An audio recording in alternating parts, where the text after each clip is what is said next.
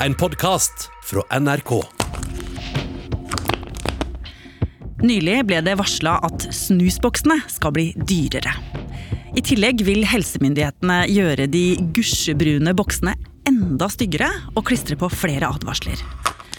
Tiltakene er bare de siste i rekken av en 20 års lang kamp for å stoppe snusbølgen blant unge. Hvorfor snuser egentlig så mange unge? Og klarer nå myndighetene endelig å få oss til å dumpe snusen? Du hører på Oppdatert. Jeg heter Ragna Nordenborg. Myndighetenes kamp mot snus er en del av den allmenne kampen mot tobakk, der visjonen er et tobakksfritt samfunn. Karl Erik Lund er forsker på nordmenns tobakksvaner ved Folkehelseinstituttet, og har jobba med tobakksforskning siden 1986. Og det er en kamp som eh, ennå ikke er vunnet, og som fortsatt pågår. Eh, Men med de tiltakene som nå er satt inn mot snus, så håper jo myndighetene å redusere snusbruken, i første rekke blant unge. Og denne kampen begynte jo for ganske så lenge siden. Da røykeloven ble innført i 2004, begynte mange røykesluttere å se seg om etter et alternativ. Og den svenske snusen, full av nikotin, ble lagt under leppa på tusenvis av nordmenn som var lei av å gå ut i kulda for å ta en røyk. Men så, utpå 2000-tallet, så begynte norske myndigheter å se noe de syntes var urovekkende. At det var jo ikke bare eks-røykerne som hadde lagt sin elsk på de små nikotinposene. Hvem var de nye brukerne, Karl Erik? Det var ungdom. Først begynte guttene, og så begynte jentene noen år senere. Og media begynte å legge merke til snusdilla blant de unge. Jeg bruker snus. Jeg bruker snus. Jeg bruker snus. Det er ålreit å ha noe under leppa. Ja, det er det. Det høres helt merkelig ut. Du blir jo avhengig. Jeg begynte jo først når man er ute og tar seg en festsnus. Og så blir det visst litt mer enn planlagt. Og hva var det egentlig som hadde foregått her? Hvorfor var disse plutselig blitt snusere? De svenske produsentene hadde jo da begynt å ta en del smarte grep. De tilsatte masse forskjellige smaker til snusen. Det det var frukt og bær og mint og dessert og whisky og kaffe osv. Så, videre. så begynte de å pakke inn produktet i mange fancy innpakninger med flotte fargekombinasjoner. Og dette appellerte jo til eh, ungdommen, som fikk lyst til å begynne å bruke snus. Og denne variasjonen i sortimentet av eh, snus, det gjorde det mulig å bruke snus som en type identitetsmarkør for ungdom. Altså at de brukte snus, hva de brukte eh, av snus, hvem de brukte snus sammen med, hvordan de brukte dette. Alt dette kunne signalisere noe til omgivelsene om hva slags identitet du ønsket å fremstå som. Og denne trenden hadde ikke myndighetene noe særlig sans for. Nei, dette likte de dårlig. Eh, Myndighetene kunne for så vidt akseptere at røykere gikk over til snus, men at ungdom begynte med snus uten forutgående røykeerfaring, det var noe man ikke så med blide øyne på, for tross alt så hadde vi en visjon om et tobakksfritt samfunn, og snus er jo et tobakksprodukt, og da har det ingen plass i det tobakksfrie samfunnet. Nei. Så myndighetene de tok opp kampen. De øker avgiften på snus noe mer enn inflasjonstakten. De starter opp med kampanjer som forteller at snus er avhengighetsskapende. Avhengighet er dumt uansett. Og det som er ekstra dumt med snus, er at de skader i munnen og øker risikoen for å få kreft. Og så hadde vi jo allerede et reklameforbud mot alle tobakksprodukter, som var innført allerede i 1975. Men det kunne virke som om en del snusprodusenter likevel fant fram til de unge i målgruppa si. På festivaler landet over kunne man se campingvogner med snus bli rulla inn på gressmattene, og solgt svært så billig til publikum. Og det ble det saker om i media. Snus er viktig for mange festivalgjengere.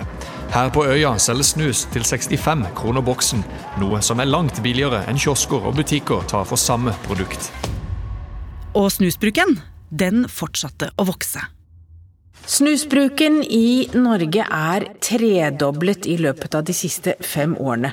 Camilla Stoltenberg, du er direktør i Folkehelseinstituttet, og du mener nå at vi står altså overfor det du kaller en snusepidemi. Eh, det, det høres jo veldig dramatisk ut?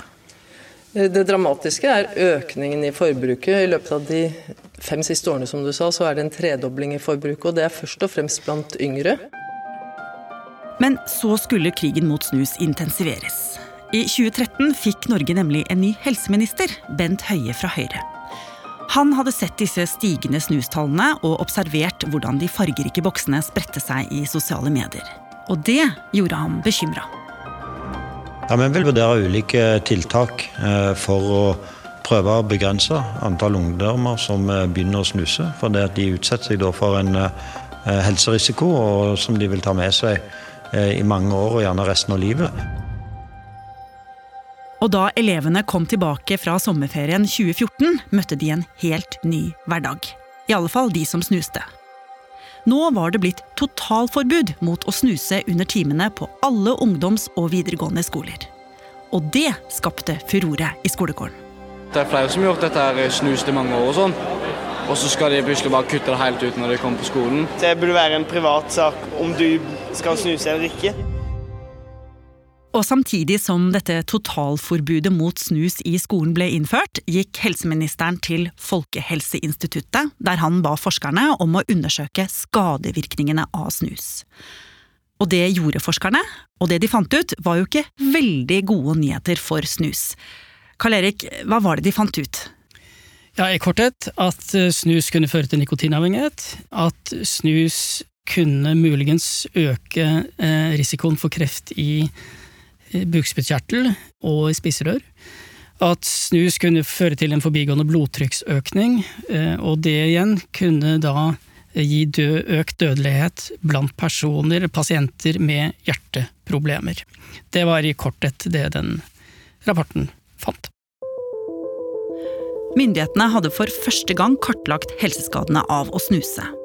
Men rapporten skapte også debatt. Enkelte begynte å kritisere mandatet. Rapporten hadde nemlig funnet fram til snusens skadevirkninger ved å sammenligne snusere med ikke-snusere. Noen lurte på hvor ble det egentlig av forskning som sammenlignet snusing med røyking?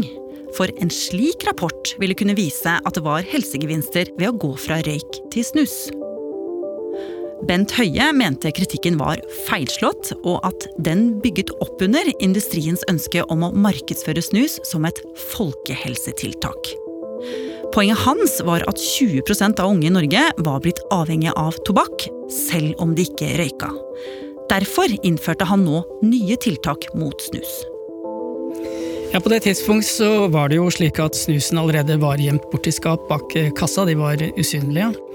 Men det var ikke nok. Han eh, tenkte også at det måtte bli slutt på det lekre designet på snusboksene, og ønsket da å innføre såkalt plain packaging, altså en standardisert innpakning av snuseskene. Alle skulle se helt like ut. Og tanken bak var at den skulle være mindre attraktiv og være et eh, lavere fristelsestrykk for ungdom. Men det reagerte den mektige snusbransjen i Sverige på. De mente at det var en overreaksjon, og sa at forskningen viste at snus var mellom 90 og 99,9% mindre farlig enn røyk. Og med det gikk de til sak. Det finnes ingenting som er absolutt riskfritt, og mot den typen av argumentasjon som da føres i denne utkomsten, så kommer jo framtiden sannolikt innebære at vi kommer ha standardiserte forpakninger på det meste av det vi stopper i oss. Men Bent Høie sto på sitt. Han var ikke villig til å ta noen risiko på unge menneskers vegne. Jeg har ikke tenkt å utsette eh, dagens barn og unge i Norge til å være en del av et stort eh, helseeksperiment. Framtiden kan kanskje vise at den er enda mer helseskadelig enn det vi vet i dag. Men myndighetene vant over snusprodusentene. Nå måtte boksene se helt annerledes ut. Innpakningen måtte være i mørkegrønn farge og standardisert skrift uten produsentens logo og designelementer. Men det var bare ett problem. Folk likte designet. Det var freshere design på den nye. altså. Strammere penere font på teksten, syns jeg, og i det hele tatt uh, mer oppdatert. Men det var veldig stilreint, da, på en måte. Det er ikke, jeg syns ikke det var noe sånn der eh, ekkelt eller eh, skremmende av noe slag. Som det kanskje er et poeng at det skal være. da, vet ikke. Jeg skjønner ikke helt om det skal få folk til å slutte å snuse. Det er ikke i hvert fall boksen som kommer til å få meg til å slutte. jeg tror kanskje ikke det kommer til å ha det store utslaget. Og denne krigen mot snus som nå hadde pågått i noen år, den virket verken å være vunnet eller tapt. Eh, det vi vet er at det ikke ble noe brudd i salgstrenden for snus. Den fortsatte omtrent som før. Det betyr nødvendigvis ikke at tiltakene ikke hadde effekt. For dersom det ikke hadde vært innført, så kunne man jo tenke seg at vi hadde hatt en økning i salget, men det fikk vi altså ikke. Nei. Og Bent Høie gikk tilbake til Folkehelseinstituttet for å få mer informasjon om hvor farlig snusen var. Hva var det dere fant? Rapporten avdekket da at det var eh, høyere risiko for svangerskapsavbrudd og lav fødselsvekt for kvinner som brukte snus. Men det rapporten også viste, var jo at det kanskje ikke lenger var noen eh, grunnlag for å si at det var en sikker sammenheng med kreft i munnhule, og det er jo litt interessant, for det er der prisen plasseres, og kommer i direkte eh, kontakt med tannkjøttet. Så det at det fortsatt er veldig stor usikkerhet på det området, var kanskje det mest overraskende ved den rapporten. Dette siste funnet førte ikke til noen kursendring i snuspolitikken. Bent Høie mente fortsatt bevisene for at snus ga store helseskader, var klare og tydelige. I Helsedepartementet begynte man til og med å snakke om man skulle sette inn enda et kraftig tiltak for å få slutt på snusen en gang for alle. Og fjerne all smak fra snus. Men det ble aldri noe av. Det som skjedde i stedet, var at Frp, som satt i regjering med Høyre, fikk senka prisene på snus i 2020. Jeg mener vi nå tar et langt skritt eh, i retning av å redusere avgiftsforskjellen mellom Norge og Sverige. La oss da se på hva dette betyr i praksis. En eh, boks porsjonssnus koster i dag 94 kroner. Med FrPs opplegg blir den 7 eh, kroner og 56 øre billigere og vil havne på 86 kroner og 44 øre mot 36 kroner i Sverige. De siste årene har snusbruken flata ut blant unge i alderen 16 til 24 år. I dag snuser 25% blant menn og 15% blant kvinnene i denne aldersgruppa. Men om det er pga. alle tiltakene som er satt inn at det er blitt sånn, det vet man ikke. Men nå, rett før Solberg-regjeringen gikk av, bestemte de seg for å gjøre et nytt forsøk på å vinne krigen mot snus. I årets statsbudsjett ble det klart at prisen på snus skal opp. I tillegg varsla Helse- og omsorgsdepartementet at de nå jobber med å innføre sterkere advarsler på snusboksene. Og Karl Erik Lund, kommer disse nye tiltakene til å fungere? Kommer unge nå til å dumpe snusen? Nei, jeg tror nok ikke det. Fortsatt så spiller snus en stor rolle som en metode for røykeavvenning. Eh, og det gjør den også blant unge. Og én ting er jo å tukle med hvordan snusboksene er pakket inn. En annen ting er jo hvis man skulle innføre tiltak som tukler med selve produktet. F.eks. det å innføre et smaksforbud. For det har man jo nå gjort på e-sigaretter, men foreløpig så er snusen unntatt. Mm. Men Arbeiderpartiet har jo snakket om at de ønsker å endre dette også for snusen. I hvert fall hadde de et eh, forslag om det for flere år siden. Og nå er det jo Arbeiderpartiet som har helseministeren.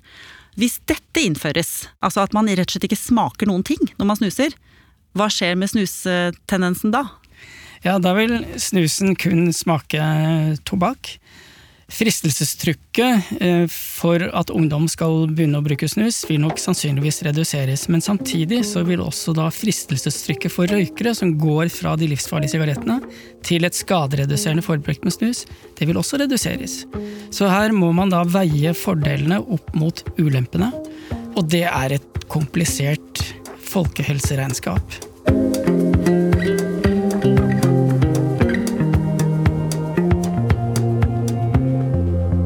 Har du lyst til å bli fast lytter av oss i Oppdatert og få påminnelse om nye episoder, er det bare å følge oss i NRK radioappen. Og så er det veldig hyggelig hvis du vil anbefale oss til en venn. Oppdatert er en podkast fra NRK Nyheter, og denne episoden er laget av Martin Holvik, Andreas Berge og meg, Ragna Nordenborg. Programredaktør er Knut Magnus Berge. Vil du kontakte oss, gjør gjerne det på oppdatert krøllalfa nrk.no. Du har hørt en podkast fra NRK. Hør flere podkaster og din favorittkanal i appen NRK Radio.